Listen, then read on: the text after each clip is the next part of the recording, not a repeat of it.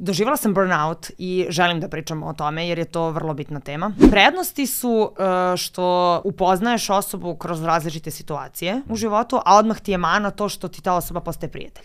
Znaš ono, ja volim to da kažem kad drugaricama objašnjavam šta mi se dešava, to mi se desilo dva puta u životu, želim da iskočim iz svoje kože, ne, ne da me nema, samo da iskočim iz svoje kože, da se saberem i da se vratim ili da budem u prostoriji kao da me nema. Uh, sada se o tome priča i svaka ti čast na tome što si i Što sam pokrenula. te poslušao da, da obradimo temu. da obradimo temu i to, ali što uh, zoveš ljude koji pričaju o tome. Naravno, I naravno. Marija Hadžović i Divna i prethodna tvoja sagovornica su imale ozbiljne teme sa tobom i ozbiljne razgovore i uh, ja bih sada, nadam se da će ljudi slušati do ovog trenutka, ali ih pozvala da se vrate na te razgovore. I da ma, i. Srđan Zirojević posebno. Ti si navikao na mene jednu. Tako je. I samim tim što ti ja postavljam granicu, odnosno ponašam se drugačije, tvoja prva reakcija će biti što je s tobom. E, radionica je za novinarstvo i PR, upisala sam četvrtu generaciju već, e, u, mislim nema više mesta i jako sam srećan zbog toga. Hajde da Ko je vidim imao u vidu radionice i rad s mladima?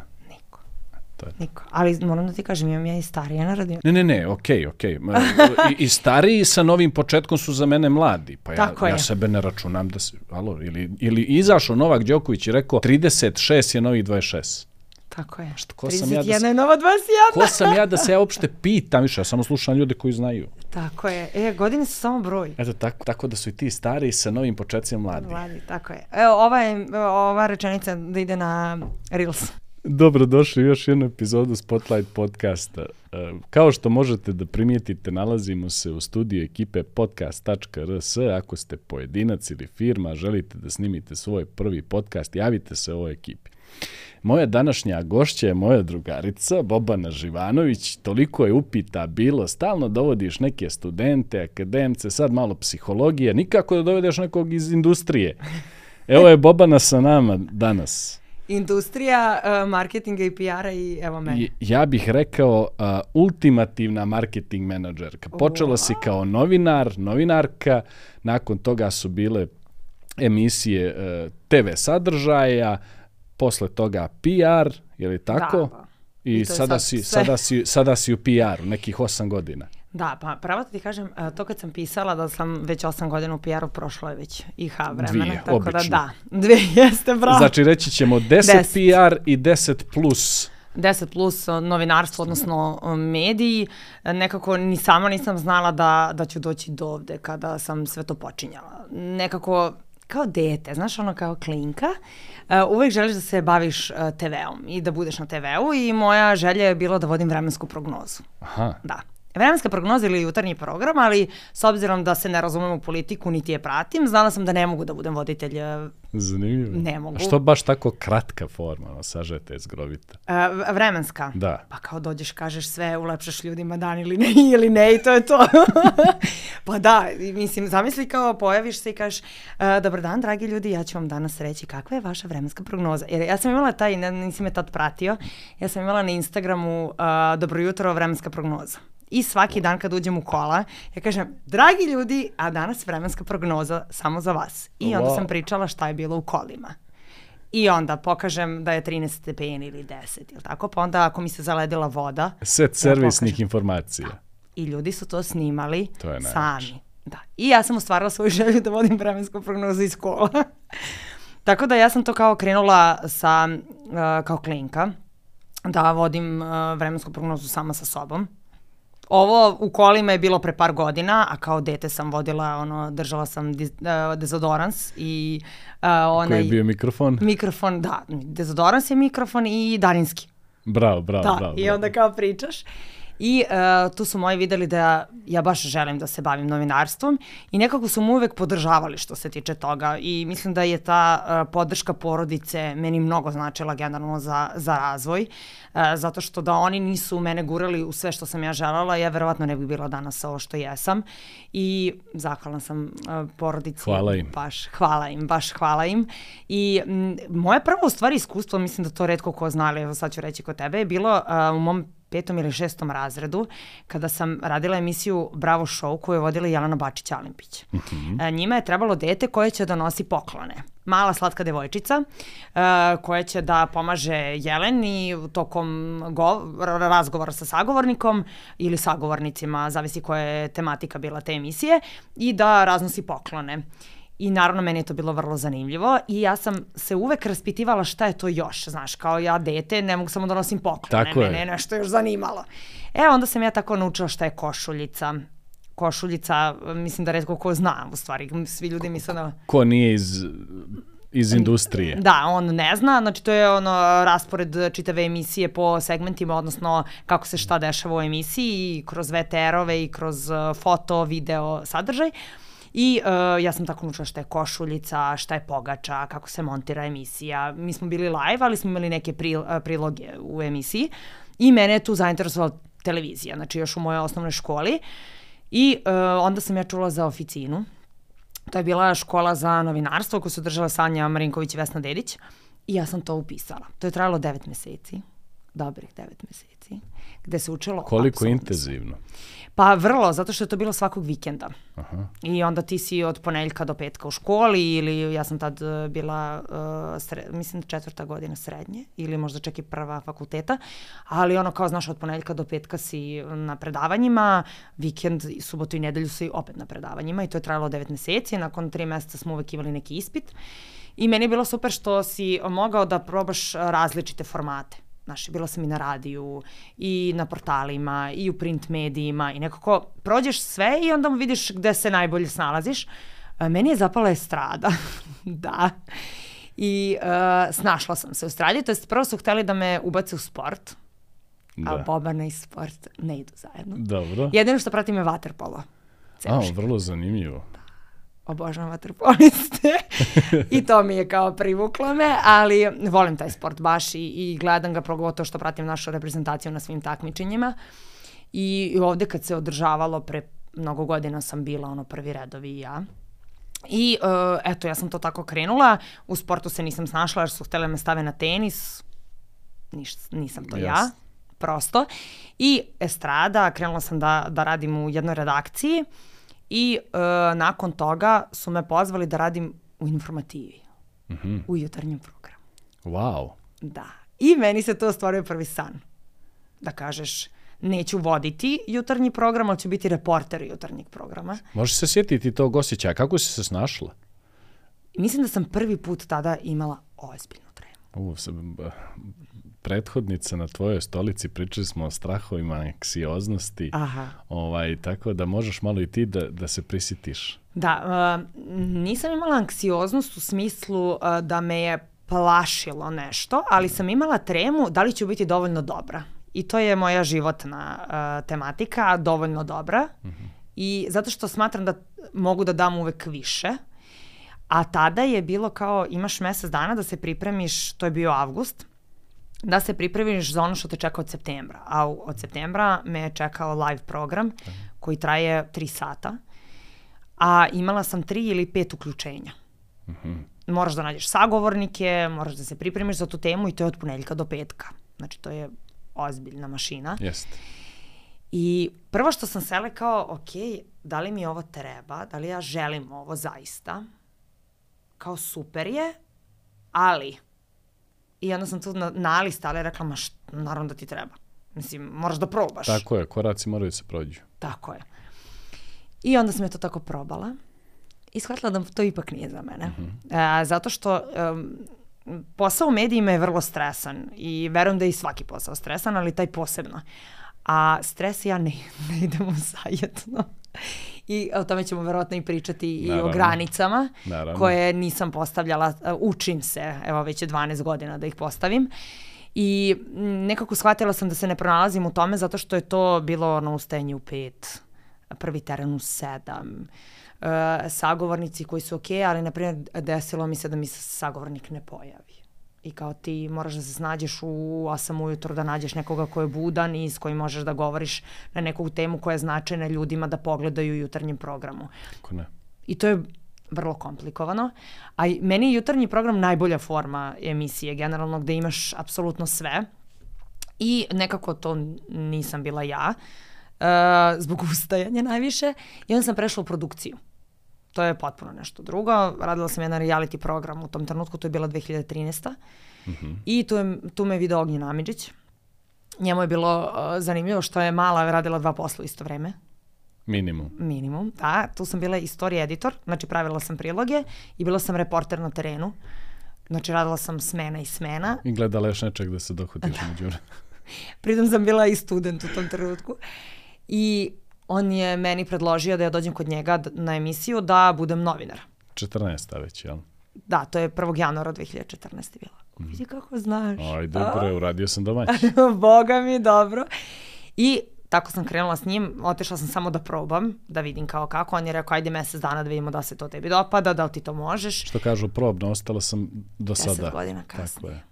Deset godina kasnije i evo mene tu. Tako je. Uh, par meseci kasnije me Milica Todorović pozvala da uh, budem njen PR. U tom trenutku ne znam šta je PR. Mm. Apsolutno ne znam šta je PR management. Ali kreće utrka za tobom, iako ti ne znaš šta je. Da. Par, par meseci nakon nje se sve otvara koliko je važno, Bobana, da čovjek u tom momentu e, razmišlja o onome što kažu task at hand, nešto što je jeli, domaći zadatak, zadatak za danas, za sledeću nedelju, radim ono što volim, e, e, držim adrenalin, a naprosto prilike, a sa njima neophodno novac, da, dolaze ovako sa strane i ti samo polako negdje, jel ti gledaš pravo, one sa, hori, one sa horizonta se uključuju na sledećim raskrsnicama. Koliko je to bitno da omladina danas shvati? E, bitno je da koriste uh, sve prilike koje su im date, ali da ne budu, ja kažem, morate biti čovek da biste uspeli u životu. A to Dulivo Jošević kaže za košakaša. Kaže, Jelno. ne mogu da treniram košakaša ako nije čovek. Čovek, eto ti znaš iz te forme, ja kažem da, da mora da bude čovek, zato što mislim da današnja omladina mnogo više juri za novcem nego za, pa ne mogu da kažem i uspeh je novac jednako, ali um, nekako moraju za iskustvo malo više da jure. Da i rade i besplatno jer je to okej. Okay. A današnja omladina to ne želi. Prosto oni smatraju da svaki rad mora biti naplaćan, bez obzira da li imaju iskustvo ili ne. Uh, smatram da svi koji smo danas na pozicijama na kojima jesmo, smo mnogo zagrejali stolicu što se tiče i obrazovanja, ali ja sam dve godine radila bez dinara. Probon. Da. I bilo mi je super. Ja sam znala zašto to radim. Ja sam znala da meni niko neće moći da plati to iskustvo. Apsolutno. I da ako nemam iskustvo, neću moći da radim posao koji volim. A ako ne radim posao koji volim, šta? Mislim, ko sam? Posle mora nekih novih početaka, nekako imam utisak da me svako malo život gura u neki novi početak, što ne mora neophodno da bude i loše, naprotiv. Tako je. E, kad sam krenuo Spotlight podcast marta prošle godine, bila su dva cilja. Dobro. Prvi je bio srijeda u 8. Da se ispoštuje rok. Srijeda u 8, E, boli te stomak, e, imaš dijareju, ostavila te djevojka, e, nervozni su kući, imaš, nemaš, srijedu osam. Dead serious. Drugi je bio da posle godinu i po dana teško se regionalno jakati sa Michael Jordanom podcastinga kakav je Galeb Nikačević u regionu, uh, jeli, da ne pričamo i da ne ulazimo u detalje, ali rekao sam sebi, u Crnoj Gori posle godinu i po dana kad kažeš riječ podcast da se ova faca pojavi u mislima. I evo sad malo duvam sebi u jedra, ali e, to se skoro desilo. Wow. Dvije ozbiljne osobe ovako e, na pozicijama, jedna iz e, e NVO građanskog mm -hmm. sektora u Crnoj Gori, a drugi je profesor medije i komunikacije jednog stranog univerziteta. On kaže, ja znam da ti među svojim prijateljima, kaže, 11 od 10 tvojih drugova bolje se od tebe razumiju videografiju, fotografiju, ono, ali niko od njih nema 60 emisija snimljenih bez srijede propuštene. Niko ne ode 9 dana u Sarajevo, snima i 13 epizoda, ima jedan fail. Niko od njih ne izbaci jedan reel svaki dan. Aha. A nigdje novca ni na vidiku. E to je ono što ljudi ne mogu da shvate. To je ono free Tako to fee. To je ono e, pokaži da znaš da bih te ja angažovao. Tako je. Znaš, ti imaš videografa, bolja kamera, sve zna bolje od tebe da postavi e, i svjetlo i e, jeli kadar i sve, ali dok mu ti ne daš zelenu da on se pokrene, on neće da se pokrene. To može tako da traje e, e, e, mjesecima. Možeš li da mi negdje, izvini, predug uvod, ovaj, Ne, meni se sviđa da malo ispotenciraš negdje taj moment, mislim da ga nikad ne možemo dovoljno ispotencirati mladoj generaciji. Koliko je važno volontirati, koliko je važno raditi free to fee. Jako. Jako. I e, na radionici, pošto imam svoju školu za novinarstvo i PR, mislim da je to prva rečenica koju im kažem. Da e, morate volontirati i morate raditi besplatno koliko god trajalo da biste stigli do, donekle. Jer e, ako nemate te korake, ne možete odmah e, iz pozicije nula da odete na 10. Morate da imate korake. Super ako vam se posreći, ali uvek ćete imati nešto što ne znate, a ne možete da platite to znanje koje ćete dobiti volontiranjem. Nekako kada prođete te korake sve, ja sam radila brojne koncerte i bila sam apsolutno sve, od onih koji je lepio stolove, one brojeve na stolove, to radi ugostiteljstvo generalno. Zato ja kažem i event menadžer, i marketing Da. menadžer, i PR. I, i, E, ali meni je to super. Mislim, ja uvek kažem PR menadžer, zato što zaista se isključivo time bari, bavim za klijente. Uh, sad skoro sam krenula da se bavim marketingom, u koncertima sam se bavila PR-om i marketingom. Event volim, nisam stručna za to, ali sam dobra u organizaciji. Pa kao prosto sve to ide zajedno. Ali ako ne prođeš sve te segmente, nećeš znati ni svoj posao dobro da uradiš Tako je. bolje je da vidiš što više stvari i da probaš što više stvari, da odlučiš šta ti ide dobro, šta ne, možda nešto da poboljšaš i kad dođeš na sastanak za novog klijenta, da mu pružiš više. Nećeš samo moći da se naplatiš više, nego ćeš i u očima klijenta izgledati mnogo veći. Tako je. I nekako uh, voljela bih da ljudi shvate da um, 23-4 godine si, što klinci vole žargonski da kažu na grbači roditelja, to je okej, ti ćeš možda zaraditi na nekom ono letnjem poslu ili ćeš da radiš u kafiću. Mislim, svi smo prošli te neke poslove, ono, studentske organizacije i ostalo. I to je sasvim okej. Mislim, zašto da ne? Ono, imaš za izlazak iz ovo zona. Roditeljima neće biti strašno to što si ti uzeo da volontiraš u branši u kojoj želiš da se baviš, jer će oni shvatiti da je to tvoj put. Tako je, I da ćeš ti naučiti nešto na tom putu. Prosto, e, u knjigama određene stvari pišu. I to je to. Ali dok ti to što piše u knjizi ne probaš i ne vidiš, šta ti znaš teoriju, a šta je s praksom. Možda ono što sam ja pročitala u brojnim knjigama, ja volim da kažem da sam samouki PR, iako ljudi generalno to ne vole, jer kao nemaš formalno obrazovanje za to, a govoriš da jesi. Ja imam formalno obrazovanje, ja sam diplomirani projektni menadžer. Tako je, to nismo rekli na početku. Da, evo sad sam to rekla. Znači, ja sam završila fakultet i shvatila sam da ne želim time da se bavim jer sam u to vreme već radila u PR-u, ali ja sam pročitala ozbiljne knjige što se tiče PR-a i bila sam ona dosadna drugarica koja je prijateljima koji su završili fakultet ili su na fakultetima FON, FPN i Megatrend ili Singidunom tražila da mi daju knjige iz marketinga i PR-a. Zato što sam smatrala da trebam da pročitam i da vidim šta je drugačije od onoga što sam ja videla na terenu. I neke stvari jesu drugačije. Prosto nije baš sve po šablonu. Ne možeš ti ono što, um, na primjer, desiti se da um, neko ne dođe.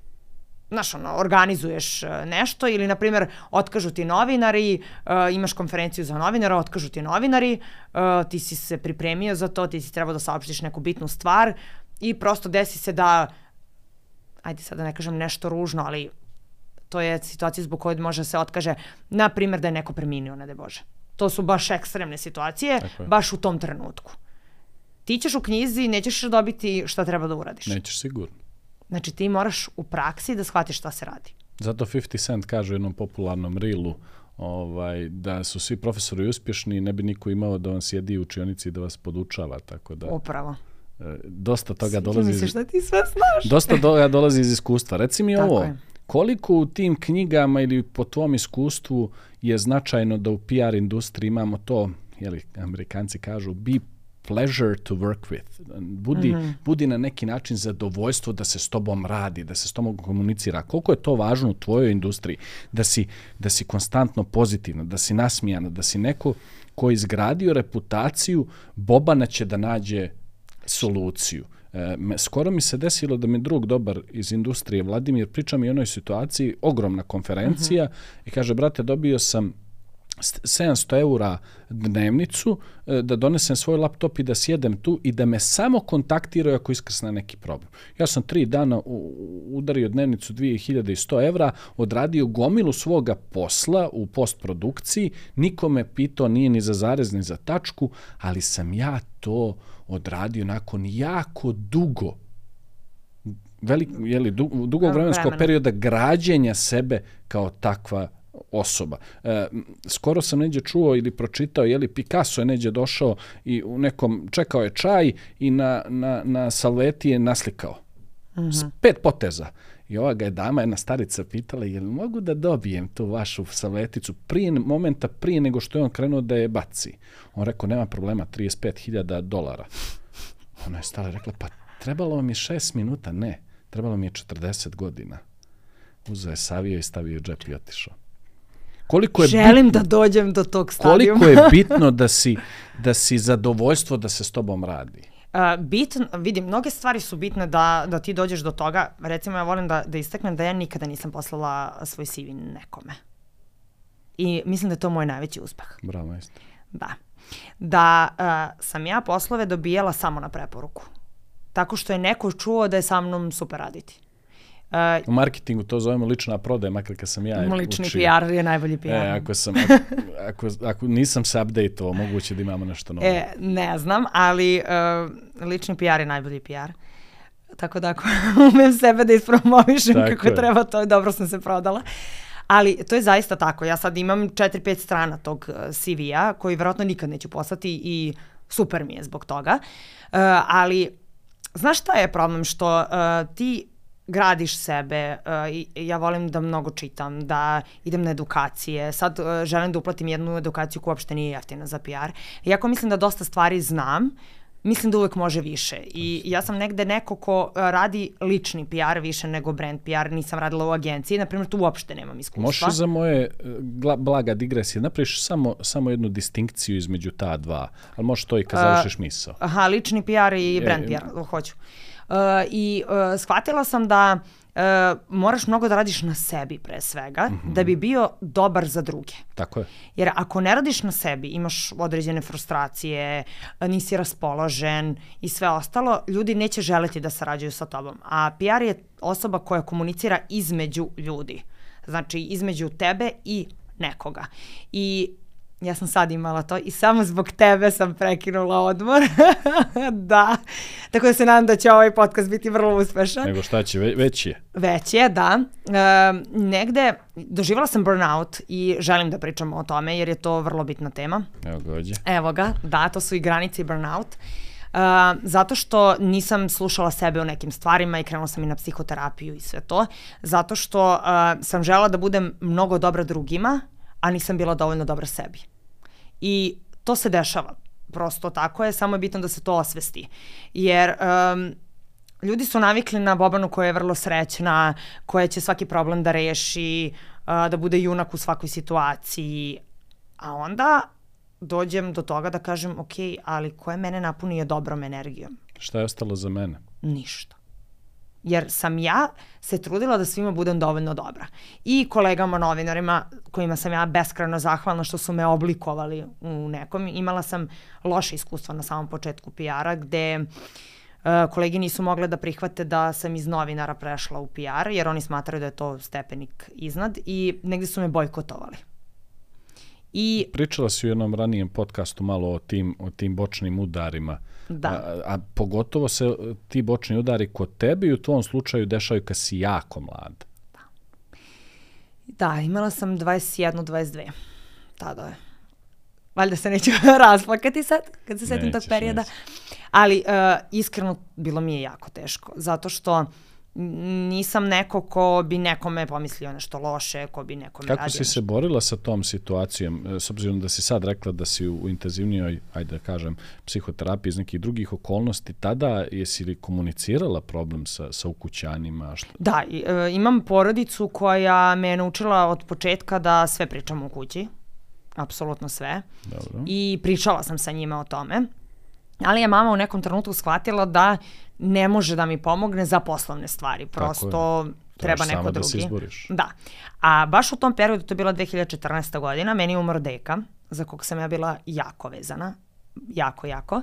I meni se to sve nekako poklopilo. Koliko mi je bio veliki zalet za posao i koliko je krenuo i taj posao sa Ognjenom i Milica, nekako to mi je bio vetar u leđa mnogo dobrih stvari. Nekako živala sam najbolji život u tom trenutku. Klinka sam koja je počela super da zarađuje, mm.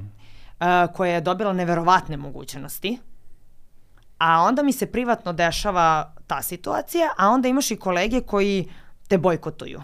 Jer prosto Klinka Bobana je odjednom u malom nekom vremenskom periodu upgradeovana. U, njih, u, njihovom, u njihovoj vizuri, e, percepciji realnosti, ti preskačeš korake Tako i je. dobijaš nešto za što su oni morali mnogo duže da radi, da se muče i bore. Upravo tako. I nekako, mi smo bili svi isti u jednom trenutku i ja sam iskočila. A sad recimo, ono na što sam izuzetno ponosna jeste što je većina tih kolega pre tih 10-12 godina, dobro 9 da kažemo od 2014. Uh, koja je mene gurkala sada u PR-u, ali ja sam njima najveća moguća podrška. Ne zato što imam nešto u glavi da to tako radim i zbog neke pozadine Prirodno priče. ti je tako. Da, ja, ja želim svima da budem podrška i želim da budem vetar u leđa svim ljudima koji žele da nadograde sebe, koji rade da veličina. bolje. Hvala ti. Ali to su, tako su me vaspitali. Prosto i, i rekla sam svima koji su u PR-u nakon mene da ću im ja biti osoba koja će im reći apsolutno sve kako treba i imam par kolega sa kojima komuniciram. Uh, ja kolege zovem i novinari i PR-ove, prosto Jasno mi smo svi u medijima Tako i, je, i to je to. to je jedna velika industrija. Tako je. I znaš ono kad neko treba nešto da izbaci, uvek me zove, e, a šta misliš kako bih trebali ovo? Ja kažem, sad ću ja da ti napravim strategiju. Nemam taj problem i meni je drago da se što više radi, jer um, PR, uh, lični PR, ja volim to da kažem, sad ću ti reći razliku između svega toga, nije bio toliko popularan pre koliko je sada. I meni je drago zbog toga, zato što ćemo bolje da radimo neke stvari, pogotovo u Srbiji, znaš, to je u inostranstvu vrlo normalno i svaka poznata ličnost ima PR-a. Kod nas i dalje nije to u toj meri. Imaju oni koji mogu to sebi da priušte, a zaista treba imati PR-a, jer je mnogo lakša komunikacija, PR menadžer. Ja ga skraćujem na PR, ali Jasno. pravilno je reći PR menadžer. To je prosto cela uh, ovaj, zvanje. I m, mnogo lakše komuniciraju novinari preko PR menadžera nego da zovu odmah ličnost, zato što se nekada ne jave, a zadatak PR-a je da bude na usluzi, odnosno da bude dostupan. Uh, sad ću ti odmah reći razliku. Da, znam da je to sledeće pitanje. Please. PR menadžer uh, je zadužen za odnose sa javnošću. Njegov zadatak je da komunicira sa predstavnicima medija uh, za klijenta. Sad, klijent može da bude i brand, može da bude i osoba uh, i to je jedini zadatak PR-a. Znači da organizuje konferencije i sve to, ali komunikacije sa medijima. Lični PR je zadužen za osobu, a brand PR zastupa cijelu kompaniju i to ima više nivoa. To je tim PR-a, gde imaš i PR menadžera i marketing menadžera i više i asistenta PR-a. Znači prosto tim koji stoji iza toga, to rade uglavnom agencije, jer prosto treba više ljudi koji se uh, bave time. Ne može jedna osoba baš da da ne pričam sad o brendovima, Jasno. da, da, da ne reklamiramo, ali shvataš. I ja sam se negde opredelila da radim lični PR, zato što uh, ja volim taj lični odnos. Malo je problematika što se Daj ti... mi malo prednosti i nedostataka, upravo sam to. Da, prednosti su uh, što upoznaješ osobu kroz različite situacije u životu, a odmah ti je mana to što ti ta osoba postaje prijatelj. I s druge strane u pitanju je jedan entitet, jedna Tako. osoba. Ako se, ako se, ne daj Bože, Milica da. Todorović e, dobije stomačni virus, e, Da. nije Apple dobio stomačni virus, Tako već je, ona. tako je. I uh, tu nastaje problem, to je krizni PR. Ja to zovem krizni PR. Ja, Da. I mi se šalimo da sam ja kraljica kriznih PR-ova, e, zato što je Milica stručnjak za krizni PR i njoj stalno nešto. I Da, ona, ona je stručnjak da kreira Da, situaciju za krizni Da, ona PR. kaže, meni, da ti meni da isprožiš, ti meni To je- treba da sastaviš sve ono što ja napravim. Ta- tako je. Da. Ovaj, tako da, meni je to zabavno. Mislim, jako je stresno i meni se to malo i na zdravlje, stranu. ovaj, da. Meni se malo i zdravlje poremetilo zbog toga, uh, zato što ja sve stra- uh, shvatam lično. I tu sad onda povlačiš moment Granica. granica. Da, uh, ali da se vratimo na ono uh, što se tiče uh, prednosti i mana. Uh, Znači, uh, prednost posla PR menadžera je generalno ta što nikada ne znaš kakav će ti biti dan. Ja to obožavam, zato što ja ću danas da ustanem i ne znam šta može da se desi, jer ne znam kako će se moj klijent probuditi. Najčešće počinje dan sa problemom sa buđenjem kod Tako je. ljudi koji su, da U kažem, estradi. u estradi. koji ustaju u dva popodne. Da, naprosto vrlo, vrlo često im je posao orijentisan noću i onda im je je. taj, taj Da. cirkadijalni ritam malo poremećen. E, onda ti je to mana odmah, zato što um, časopisi o, i dnevne novine se zatvaraju do određenog vremena. Kada mm, se časopis e, šalje u prelom, do tada mora da se završi intervju i priča i da se pošalju i fotografije i sve to, a onda tebi to treba da se pošalje na autorizaciju, što ti kao PR menadžer i pregledaš, odobriš i sve ostalo, ali ja imam odnos sa klijentima da ja volim da pogledaju i oni to. Da prosto ne budem ja ta koja će da donese konačnu odluku, jer ipak je u pitanju njihova karijera i njihov život i ne želim toliko odgovornosti. Imam je, ali ne želim toliko. I onda to traje i traje, ali ja sam našla uh, dobar sistem, a to je da nikad ne govorim tačno vreme. Prosto zbog Uzmeš kašnjenja. sebi buffera, jeli? Da, znači ako treba da se dođe na snimanje i snimanje počinje u četiri kao nama, na primer, uh, ja kažem tri ili dva. Ali oni otprilike već znaju šta ti radiš, pa možda nekad igraju malo na to. Igraju, ali kada kažem da je uživo, onda ne znaju. Aha, Znaš, onda je to... to je catch. Da. Mislim, sad će znati, ali nema veze. E, Promenit će od septembra taktiku. Nije mi to bila intencija. Da, ali svakako uh, to je super. Mislim, ja ovaj posao volim i uh, voljela bih da mladi ljudi razmotre ovaj posao kao posao kojim bi trebali da se bave. Zato što uh, vrlo je zabavan, uh, edukativan je, može da se nadograđuje, ima veliku širinu i više... U, u ekspanziji je sa razvojem je. li, ličnog brandinga, sve više je nekih e, naših drugara, prijatelja, Tako je. influencera, tot lidera, koji Da. svi oni trebaju sad. Trebaju, ali znaš šta, ljudi generalno ne prave razliku između PR, menadžera i marketing menadžera. PR ti je baš za odnose sa medijima, odnosno sa novinarima, a marketing menadžer ti je sve paket, drugo. Da. da.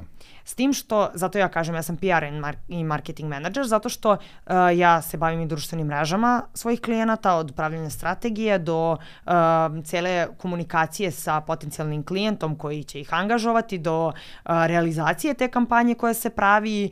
Uh, samim tim i ja imam svoj Instagram koji je umeđu vremenu postao i, i influence i samim tim i meni posao, pa ja to učim kroz to. Tako da je to ono što sam ja sve radila besplatno je sad došlo negde na naplatu, da ja mogu da kažem da ja radim mnogo stvari, imam znanje iz toga, samo što ne volim da prikupljam stvari, da kažem ja znam i ovo, znam i ovo, znam i ono, zato što se nisam učila za sve to. Jasno. Znaš, i prosto volim da kažem, bolje uzmite nekoga koji će vam odraditi taj posao, jer je bolji u tome od mene. I nemam problem to da kažem. Naprimer, prosto, ja sam imala svoju emisiju na jednoj televiziji uh, i bila je sjajna, bavila se ozbiljnim temama, bilo je i onih šarenih tema, ali se bavila i anoreksijom i uh, što si ti sad radio tu, tvoje prethodne emisije i strah i bulimija i uh, nasilje nad ženama i svašta nešto, ali sam ja na primjer u nekom trenutku shvatila da je to sve super i da mogu to, ali da mene više radi da sam ja iza kamere i da ja sve to organizujem i pravim ceo taj sadržaj, nego da sam ispred. Ali sam ja Ili to kao ti se probala. do, do, desio sada upravo negdje taj neki aha efekat e, kada si shvatila da si kroz dugi niz godina e, ajde uslovno rečeno, radila nešto kako treba, ali je bilo uslovno rečeno ponovo neki prosjek. Stalno su neki drugi malo promicali, a onda se desio magičan efekat iskustva, pa su te neke nagomilane kockice mozaika kroz dugi niz godina prosjeka napravile jednu magičnu stvar da si ti sad sublimat nekog ozbiljnog iskustva. Da, jesu. To sam doživela kada su me pozvali da radim prvi koncert. Mm, tu sad se vraćam, je li to bila arena ili Tašmajdan? Uh, prvi koncert je bio Tašmajdan. Ili Sava Možda centar. arena. Uh, nema veze, Uh, izvini. ne znam, Nije sad, ni bitno. sad ne znam. Ne, izvini. Veruj mi da, da, može je bio Tašmajdan. Nisam mislio da revilujem ođe. Nema veze. Provjeri kad završiš. Da, proverit ću. Uh, mislim da je bila arena, iskreno. Ok, e, Mislim potpuno da je nebitno. Da, mislim da je bila arena. Um, I tada sam rekla sebi, ok, isto nemaš pojma šta ćeš da radiš. Ok, imaćeš deo PR-a kao je komunikacija, dogovaranje sponzorstava i sve to, ali kao to je to. A onda kad uđeš u, u ceo taj proces rada i kad shvatiš šta je sve to, da to uopšte nije samo eto tako nešto, onda kažeš, bože, koliko su tebi odgovornost ljudi dali kao, wow, bravo za tebe. Ali, znaš li koliko mi je vremena trebalo da osvestim i da kažem, bravo Boban, mnogo. Jer to je ona tema, nisam dovoljno dobra, Da, koju da. mi nisu stvorili roditelji, to sam Imposter stvorila syndrome. sama sebi. Da. Znaš, uvek sam, nisam se upoređivala, ali kao, čoče, ona je bolje uradio to. Možda mi, imala sam malo problematiku kao, um, ne radim u firmi, sama sam, uh, nemam mentora iza sebe, ko će sa mnom da priča o PR-u, Da, da, nemaš, po, nemaš povrat, potporu tu, da, i nemaš povratnu informaciju. da, da li je to dobro. A i Milica u tom trenutku, jer sam s njom počela, je mlada vrlo. Mislim, ona stara od mene samo dve godine. Niti ona zna šta radi, niti ja znam šta radim. Ali mi idemo. Znaš, mislim, mi smo sad postale jedna od najboljih drugarica. Prosto ja sam rekla, u nekom trenutku ću ti dati otkaz, ali mi nikad iz života nećeš izaći. Ali um, možda i to nije bilo loše, jer me je oblikovalo za druge stvari. I imala sam i padove. Dosta sam imala padova. Dosta sam, u, koliko sam plakala. U, znači, kažem, mislim da sam jedan okean lagano isplakala. Zato što uh, ne volim nepravdu, a dešavala mi se, jer sam mnogo slučajeva verovala ljudima. I to mi se nije baš pokazalo kako treba. Ali dalje nisam naučila lekciju. Jer i dalje verujem ljudima. Naravno, nemoguće se boriti protiv genetike. Ne, ne ide. Prosto. I 2019. sam doživjela burnout.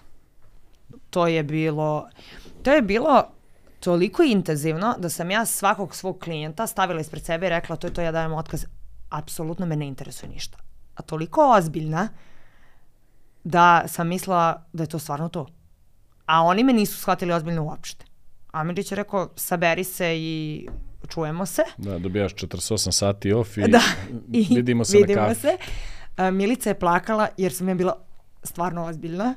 A, Lexingtonci su, to je bend sa kojim radim, Naravno. Lexington band, oni su bili kao, joj, ovo su tvoje bubice neke, nije ti ništa.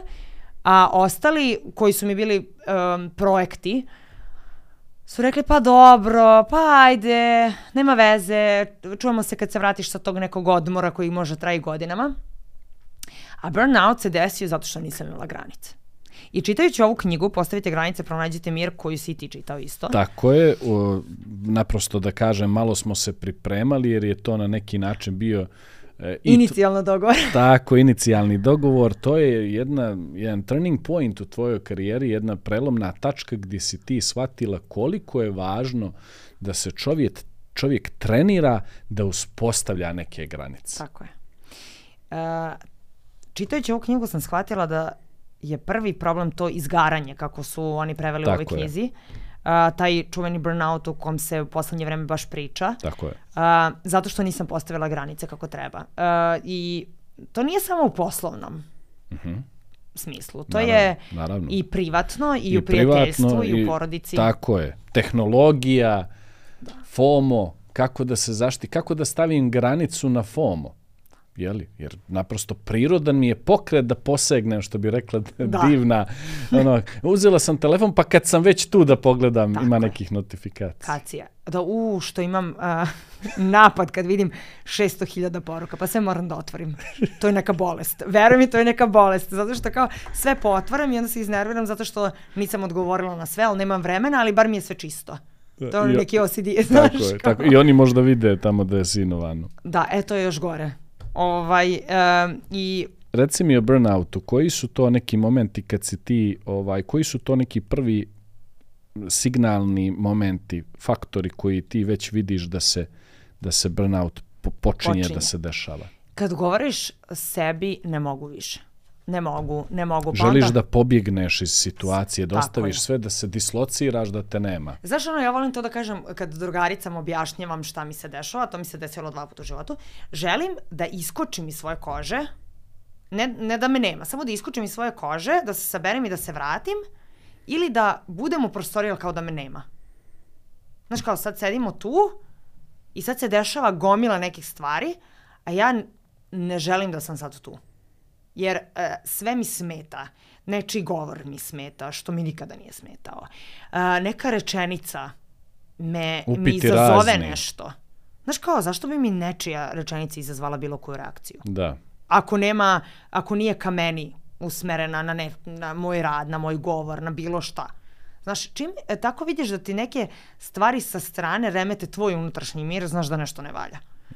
I kada sam shvatila da e, multitasking imam dobar, kada sam shvatila da klizim, znaš, iako ja zapisujem sve, kad sam krenula da pravim greške, shvatila sam da je to to.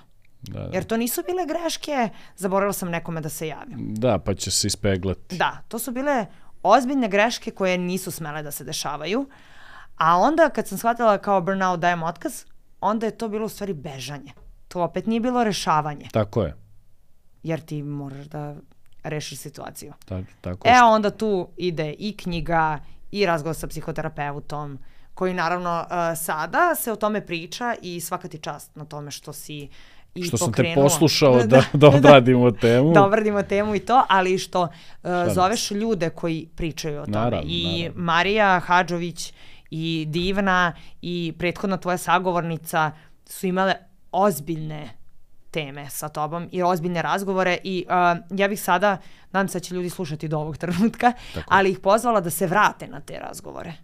I da ma, i. Srđan Zirojević posebno, da se vrate na te razgovore zato što možda iz prve nisu čuli neke stvari.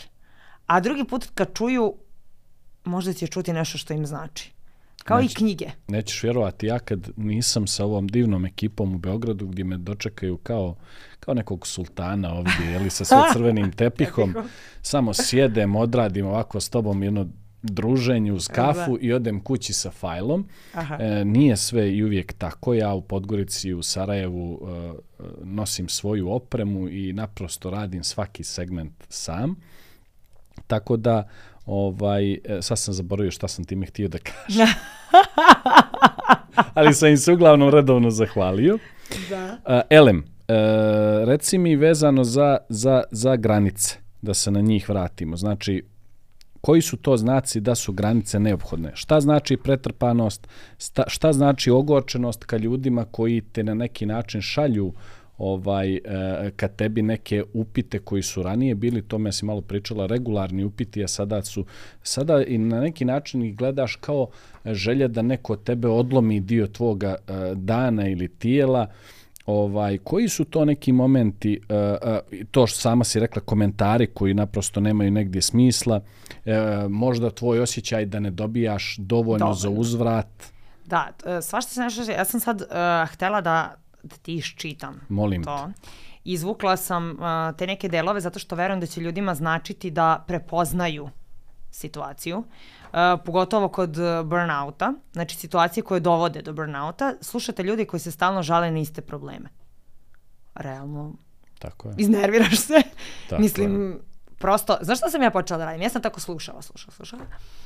Ja kažem, a ti treba rešenje? Ako ti treba rešenje, ja ću da ti dam bar tri. Molim te, uradi bar jedan od ta tri. Jer ako ne uradiš, ja ću shvatiti da sam ja samo rekla. Da ti mene nisi čuo. I veruj mi, prva stvar je, kažem, idi kod psihoterapeuta. U 80% slučajeva kad pitaju uh, drugaricu, prijateljicu ili koga god, ili ti treba da te čujem ili da ti dam savjet, u 80% slučajeva je odgovor samo Samo me da čuj. čuj. A, Da. I ne znam da si uh, čitao, ja sam skoro uh, naišla na, na uh, taj tekst, gde uh, ljudi kad odu na psihoterapiju, hoće da ih čuju, a ne da rade na problemu. Jer uh, očigledno je da nemaju u okruženju ljude koji hoće da slušaju, nego hoće da pametuju. I to je onda problem. Zato što uh, ako ti meni dođeš sa problemom, ja ne treba tebi da dam savet da bi ja bila pametna, nego da bi tebi pomogla. A, a ako ti želiš samo da pričaš, ok, pričaj. Ja sam tu da te čujem, ja sam tvoj prijatelj koji će da te sluša 24-7. Ali ako vidim da si u problemu i da stalno ponavljaš isto, isto, isto, odustaću. Jer Tako kao... Radiš očigledno- iste stvari očekujući različite outcome rezultat. Tako je, da Šta se si vratimo. sve tu? Svašta sam nešto. Molim te, Dajete sve od sebe uz vrlo malo priznanja za svoj rad. dajte sve, tako je. Kaže, zdrave granice su moguće kada se tvoja prošlost ne pojavljuje u sadašnjim interakcijama. Wow. Wow. To je baš ja. To bukvalno da ispišeš Wow. ovako. Jel, I da jesi to- imala wow efekt? Da. Skroz. Da čujem šta si ti još izdvojio. A, dobro, onda kaže njena podjela granica je sad ja sam sa engleskog je bila audio Da, knjiga, ti tvoj je si- prevod. Kaže najsiromašnije, rigidne i zdrave. Pa pravi tu da, distinkciju. granice koje su, tako je, da. E, a onda kaže, nakon toga se dešava niz e, devijacija. Nakon što ti pokušavaš da uspostaviš zdrave granice, kreće komunikacije i akcija. Da, ali gledaj, kod uh, ono što sam ja uspela pročitam ki- na, u knjizi i što je totalna istina, jeste da uh, problem komunikacija, rea, akcija, reakcije jeste ta što kad kreneš da postavljaš granicu, jer smatraš da trebaš da je postaviš, suprotna strana Evo je. neće reagovati kako Evo je, treba. pushback, limit test, ignoring, Tako je. E, racionalisanje, ghosting, silent e, e, tretman. Sad ćemo malo preći preko njih. Prvo, kratki disclaimer, ti i ja nismo psiholozi, nismo Ne, iz ne, ne. tematike, ali smo našli dosta pomoći u ovoj knjizi Tako i je. želimo da je negdje aktualizujemo temu. Kad ti pokušavaš da uspostaviš granicu prema meni, moja prirodna reakcija je pushback. Šta bi, kako možemo ljudima da objasnimo šta je pushback? da ti odbijaš, da Tako, ja sam, navikao, granicu. ja sam navikao na tvoje ponašanje, Tako na je. tvoj deli, e, delivery, jeli? E, e, Ti si navikao na mene jednu. Tako je. I samim tim što ti ja postavljam granicu, odnosno ponašam se drugačije, tvoja prva reakcija će biti šta je s tobom? Da. Šta radiš Šta tu? se to promijenilo odjednom? Da, ili promenili su te. Ko je taj tvoj mozak? Ko je, ko je novi Janko? Ko je nova Bobana? Zašto to tako? A onda kreću sumnje u tebi. Uh, šta će ta osoba da pomisli o meni? Tako je. Zašto sam ja to uradila? Uf, pa onda još Nisam amplifikovani ženski prijatelj. mozak, to još i da ide. da, to nećemo. To moraš da uzmeš bukvalno da se baviš samo tom temom ženski mozak i šta sve možemo da zamislimo. Nakon toga kaže limit test, test fleksibilnosti. Limit test, Hoćeš li koliko mi da pomoći da se preselim? Ne, ne mogu, imam obaveza. Može li Tako preksjutra? Tako je. Može li za dvije nedelje? Tako ja te guram da vidim koliko si ti o, otresita, o, o- Koliko si odlučna, da Odlučna. budeš u toj granici? A um, to su Reci testovi. mi to, reci mi to na tvoju industriju, kako se amplifikuje. A, znaš, kod nas je to, jel možeš da mi pošalješ intervju sad za sad? Ne mogu da ti pošaljem sutra. Jer smo se dogovorili da imamo određenu vremensku Da. Odrednicu. Naravno, to ne možeš da radiš uh, za intervju koji treba da ide sutra jer časopis ide u štampu, prosto ne. Ali, na primjer, um, ta granica može, ako ste se dogovorili nešto da uradite, imate, treba da se uradi u avgustu i neko tebe forsira da to mora da bude do desetog, a nema objašnjenja zašto mora da bude do desetog. Nego tako toj osobi odgovara. Onda ti moraš da kažeš, ali meni odgovara 12. I da se tu negde nađete. A to je prekomplikovano zato što se ljudi ljute. Tako je. I onda tu nastaje problem. Jer ima tu malo i sujete. Ima, ima ne malo, nego dosta. I onda moraš da hendlaš između svega toga, pa onda da razmišljaš kako da postaviš tu granicu. Ja to iskreno nisam uspela. Kaže ignoring, e, ti mi nešto kažeš, a ja potpuno te zanemarim da si ti to rekao i ra- računam na onu prethodnu bobanu. O, to mi se stalno dešava. Uuu, to mi se stalno dešava. Evo sad kad si to tako rekao, ja sam shvatila da se meni to stalno dešava. Da ja kad kažem ne mogu sada, to niko ne čuje. I zato se ja isključim. Kao što je bilo sad na 10 dana, nisam Tako mogao je. te dobijem. Da. Morao sam preko prijatelja Preko poznanih. Poziv, kako se zove ono, kod, kod, eh, kod Zeka, eh, onaj, Zek- kaže pomoć prijatelja. Pomoć da. prijatelja, da. Kaže Ali- racionalisanje i e, postavljanje pitanja. Ajmo da malo mi prodiskutujemo o tim tvojim e, granicama, da mi malo vidimo e, da li su one racionalne, hoćeš i ti to moći da izdržiš, hoće li, hoće li to biti kompatibilno sa tvojom ranijom slikom. Znaš ko, koje to može da bude, da se dobro pokaže? Kad, na primjer, ja imam e, tu problematiku da ja sve dopuštam ljudima. I sad, na primjer, ja ne volim kada ljudi kasne. I imala sam temu gde je jedna osoba kasnila sat i po. I ja sam i dalje sedela. I čekala. Osoba je došla kao da ništa nije bilo. Kao da nije dogovor bio pre sat i po. A u sebi sam tih sat i po imala gomilu razgovora Monologa. Da, gomilu. I ja kažem hemijskih reakcija jer je meni odavde sve išlo. I to mi je bila tema na psihoterapiji gde sam ja rekla ja sam čekala. Ja ništa nisam rekla toj osobi. Prosto nisam se zauzela za sebe uopšte. Prvo što mi je rekao psihoterapeut, rekla mi je ti nisi postavila granicu. Ti nisi postavila granicu da kada tebi osoba zakasni 15-20 minuta, ti ustaješ i odlaziš. Jer ona nije ispoštovala tvoje vreme. Nije ispoštovala tebe. Ne poštujete. Prosto je shvati da to nije poštovanje. Da sam ja rekla, ali, ona kaže, nema ali. Tako je. Ne postoji ali. Kod postavljanja granica ne, Ne postoji, postoji ali. I to piše u knjizi isto. Prosto, ja sam dobila zadatak da kada mi, koji još uvek nisam realizovala, koji su ti moj zadaci? psihoterapeut tako bude Koliko ovaj- možeš, ne moraš sad Ne, ulaziš ne, u ne, detalje. ali ona je meni, na primjer, rekla i to želim da sad kažem da bi ljudima ovaj, uh, olakšala. Ona je meni rekla, ok, tvoj zadatak je da kada ti osoba zakasni, bilo ko to bio, poslovni saradnik, prijatelj, porodice, nebitno je, ti nakon 15 minuta odlaziš. I samo javiš da si otišla, ne objašnjavaš zašto. Ti si time postavila granicu. Ako ne možeš baš tako striktno da uradiš, onda moraš da pošalješ poruku koja će ići sadržaj koji je tebi lak da iskomuniciraš. U smislu, um, otišla sam, nisi poštovala moje vreme. Što je meni vrlo strogo opet. Ali i to je granica. Imam popunjen raspored. Tako je. Kasniću na sledeću Tako lokaciju. neću da imam domino efekat. Tako je. Um, mislim, tu mora da se nađe gomila nekih stvari. Valjalo bi da ima, da ima neki, nije to racionalno objašnjenje, to je naprosto uh, istina kako jeste. Da, ali ljudi se generalno plaše da izađu iz kalupa Tako je. svog ponašanja.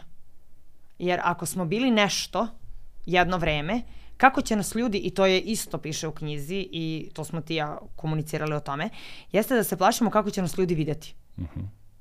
A plašimo se.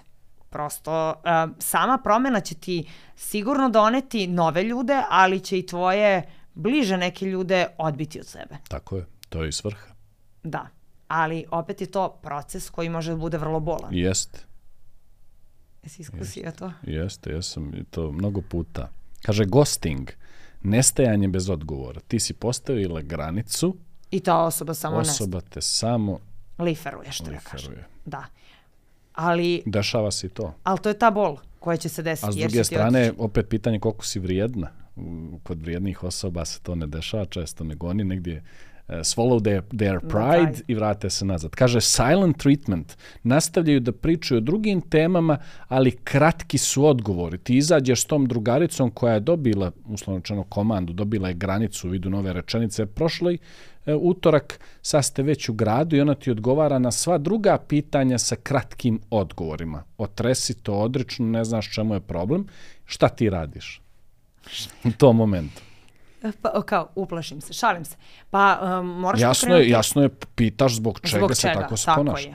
Tako je. Ali opet je pitanje da li će ona hteti da iskomunicira s tobom ponovo o tome. Moraće, jer ćeš ti da, da, Da je- navučeš na taj na- tanak na led, led, da. da. se to ispriča. Ali to, to, je vrlo verovatno da će se desiti. Tako je, pogotovo ako je jako značiš kao drugarica, što ja ne sumnjam.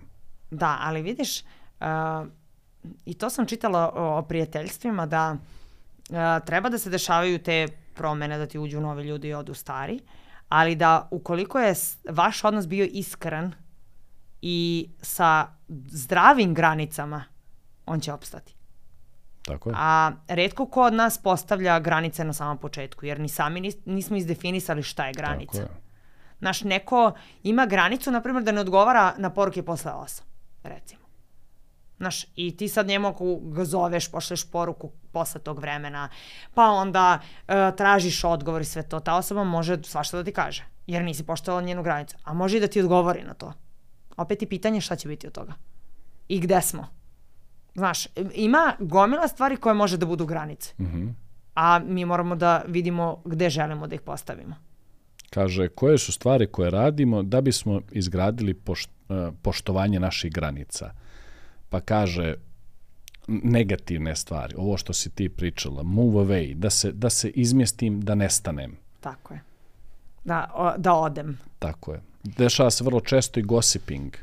U gossiping se dešava, mislim da je to, to je čak više nije ni samo među ženama. Ne, ne, mislim ne. da se to dešava u svim odnosima. Dešava se. Da prosto uh, čim si nešto drugačije uradio, odmah će ljudi da pričaju. To je socijalna kategorija uspostavljanje brižeg odnosa ne, ne toliko dobro uh, međusobno ljudi koji se poznaju, ogovarajući treću, Treću. osobu. E sad tu on malo, ona malo fino priča o tome kako i to ogovaranje treće osobe na neki način uh, uh, utiče na važnost i kara, karakter, i Karakter, percepciju. percepciju. Da. Ne, ne karakter, ali na neka, neki način. Pa u- utiče uniža na mnoge vrijednosti. stvari, tako je. Zato što ako a, dozvolite sebi da pričate o trećoj osobi, a, ne vrednujete ni sebe, ni osobu s kojom pričate, ni treću osobu. Tako, ovo su već neki negativni aspekti. Uh, Da. Izbjegavanje. Da, i izbegavanje i osobe i razgovora i mislim da je u stvari to što u poslednje vreme ljudi malo pričaju. Nekako a, dosta stvari se podrazumeva, a možda uopšte ne treba da se podrazumeva. Jer prosto ta osoba nije takva da bi, možda ona potpuno drugačije funkcioniše. Vjeruješ Možda ti da tako. sam ja do skoro nisam u glavi do kraja bio razjasnio taj moment kaže pasivno i pasivno agresivno. To što kažeš Mhm. ja ne pričam ništa, ali ja očekujem od tebe, to je taj pasivni agresivni, je li? Ja, ja kroz moja nedjela pokušavam da na tebe vršim pritisak da ti promijeniš, a nijesam verbalizovao. Tako je. I ovde u knjizi kaže da a, sve stvari koje a, treba da, koje očekuješ od nekoga, treba da izgovoriš. Ali ne u smislu moraš to da uradiš. Značilo bi mi da to uradiš. Bolje ću se osjećati ako to uradiš. E, nekako moramo da pričamo. Nismo nekako... em, Često Delo- ne verbalizujemo ni problem, ni Delo mi je da eventualno nismo ni naučeni mnogo da pričamo. E pa to je, to je to. Da, da nekako vremenom i savremenim dobom i, i društvenim mrežama i podcastima smo naučili i uče nas da treba da razgovaramo. Jer e, do sada su se stvari podrazumevale, ok, zavisi kako ide iz kuće, ali možda neko podrazumeva da ja trebam da se javim u svakom trenutku. I, na primjer, i to nije bio problem. Da imala sam bukvalno tahikardiju kad uh, vidim da se nekom nisam javila na telefon. Jer kao, "Ah, nisam to uradila, kako to nisam? Sad nemam taj problem jer sam radila na tome. Mislim, nisam u mogućnosti u ovom trenutku da se javim. Ja ću verovatno sad kad završimo da imam gomilu propuštenih poziva i onda će biti, "Ah, nisam se javila ovome, o- kako? Ali onda kažem, ok, ali nisam bila u mogućnosti. I prosto napišeš i ljudi to razumeju. Nisam bila u mogućnosti da ti se javim, oprosti. I to je sasvim okej. Znaš, moramo da dobijemo rešenje za određene stvari, a ne dobijamo ga.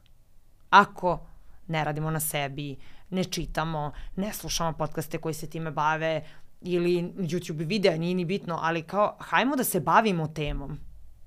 Mi se sad bavimo granicama jer uh, ih postavljamo i u poslu i privatno i, i tako, ali Tako je. ajmo da se bavimo stvarima. Nećemo da bacamo stvari pod tepih ili da kažemo, ama ne mogu da se time bavim jer samo ulazimo u problem. Dosta o granicama, neka uzmu ljudi, neka pročitaju, tu imaju fine Tako vježbice.